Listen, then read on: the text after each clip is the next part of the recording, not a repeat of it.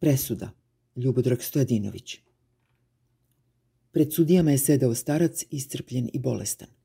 Negde je u svom svetu koji je davno gradio strašnim materijalom. Čini se da je sve to, to što je bilo, beskrajno daleko, iza njega se možda nije ni dogodilo. Ali ta slika ne izaziva samilost niti nostalgiju. Ratko Mladić je čuo presudu. Doživotna robija, kazna koja će verovatno trajati prilično kratko. Glasno je rekao da je sve to laž, opsovao i grdio, pa su ga izbacili iz sudnice.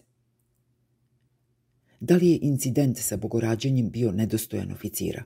Svejedno je, tu oficira više nije bilo. Predsednik i premijerka su rekli kako nije njihovo da komentarišu presudu. Oboje su se okrenuli budućnosti, kao da predsednik nije bio deo svoje odvratne prošlosti koju bi želeo da zaboravi. Da li je to bio politički sud? Sasvim moguće. Zar svi oni nisu politički?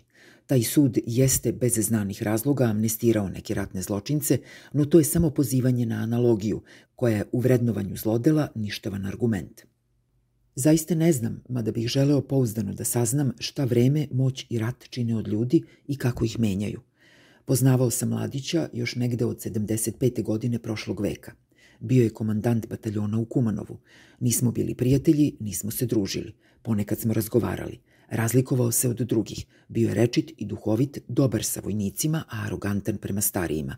Čudna osobina, redka ili pogubna u JNA. Bio sam uveren da će u svim okolnostima mladić biti na strani etike ratovanja i poštovanja protivnika, zarobljenika posebno. Da li je to bila zabluda u ambijentu neobuzdane i strastvene mržnje? Izgleda jeste.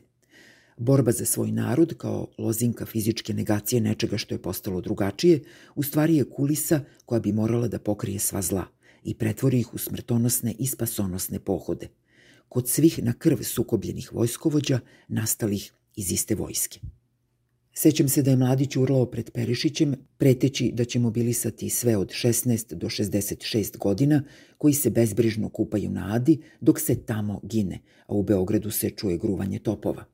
Sećam se sastanka našeg generalštaba sa generalom Filipom Morionom, na kome se on, Morion, žalio kako ga mladić maltretira i ponižava kad god ga sretne. Jednom prilikom je došao sa 20 autobusa da iz Beograda povede sve oficire koji su rođeni tamo, a lade muda u Beogradu. Održao je besni govor u domu garde. Tamo u Han Pjesku imam jednu žensku četu, sve junakinje do junakinje. Ne boje se nikoga do Boga. Pa ko ne pođe danas, poslaću po njega ovde tu devojačku četu, te borce, da odavde pokupe vas uplašene pičketine i odvedu na položaj. Na kraju dana uspeo da sakupi samo dvojicu. Sećam se skoro uličarske telefonske svađe Mladića sa Miloševićem u noći posle vezivanja oficira Unprofora za bandere. Milošević je rekao, dolazim tamo da te streljam. Mladić je odgovorio, dođi da ti jebe mater. Tamo je otišao Stanišić, my name is Jovica, i razvezao ponižene oficire. Gledao sam televizijski prilog Sky Newsa u vreme kad je potera za mladićem bila opšta, koji najpre pokazuje generala kako skija negde na Jahorini, a onda i komentar autora. Mladić više podsjeća na bezbrižnog turistu iz visokog društva koji uživa u zimskim radostima nego na zločinca sa svetske poternice. Taj čovek je ne samo neopisivo drzak, bezočan i hladnokrvan, on je bacio rukavicu u lice najjačima, a oni su skoro srećni jer ih nije udario pesnicom. Tada je trajala neuspešna operacija zarobljavanja pod kodnim imenom Amber Star, čilibarska zvezda. Novinarka Financial Timesa Laura Silber stalno je na granici opčinjenosti i zgražanja. U poslednja 32 meseca rata Mladić je stekao reputaciju brutalnog genija, čoveka koji je mozak srpske operacije stvaranja etnički čiste države u Bosni i Hercegovini. Major kanadske vojske Pet B. Storgen doživeo Mladića kao vojničkog idola. U svojoj studiji o njemu kaže da je on idealni intelektualni i duhovni fotorobot komandanta željenih osobina. Mladić je takva dominantna snaga da bi prosto bila lenjost ne proučiti kako je taj operativni komandant mogao da doživi takav uspeh. Ali uspeh, ako je o tome reč, ne može biti krvava bajka bez kraja i konca. Na početku Mladić je komandovao pravom vojskom protiv Bašibozuka. Na kraju, Njegova se armada pretvorila u gomilu osamostaljenih sileđijskih grupa sa lokalnim kabadahijama koji su pljačkali sve što su stigli. To više nije bila vojska, nego demoralisana rulja u hajdučkom raspadanju. U takvom stanju stvari Karadžić smenjuje Mladića, želeći da bude komandant vojske. Navedeni segment svađe Mladića sa Miloševićem nije bio jedini.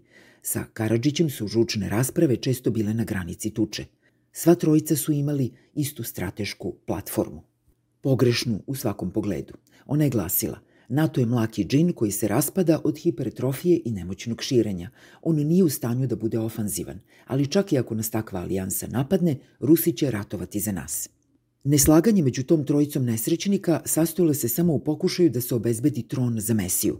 Svako od njih bio uveren da je on taj. Moguće je da Mladićev lični psihofizički slom dolazi posle smrti njegove čerke Ane u martu 1994. godine. Tada više nije bio u stanju da radi bilo šta u vojsci, a on je nastavio da bude ono što je kasnije postao. Srebrenica je ključna tačka njegovog pada uništavilo, gaženje svega što jeste srpska vojnička čast na koju se mnogi olako pozivaju – Njegova rečenica kako je stiglo vreme da se osvetimo Turcima za onih 500 godina proizvod je užasne mentalne razorenosti i nedostatka bilo kojeg vrednostnog parametra. To odavno više nije bio čovek koga sam poznavao. Moguće je da ga je u ponor pogurala i njegova neuporediva samoljubivost, građena kroz osjećanja neomeđene moći, sadržana u omiljenoj rečenici o obećanju pretnji. Kada ti ja nešto kažem, kao da ti je rekao svevišnji. Ako se u tragičnom igranju sa sudbinom hiljada ljudi našao daleko od svake realnosti, to je već pitanje sistema koji je još i tekako živ u Srbiji. Sumanuta je tvrdnja da je sve to radio zbog srpskog naroda. Oni koji to rade nemaju svoj narod.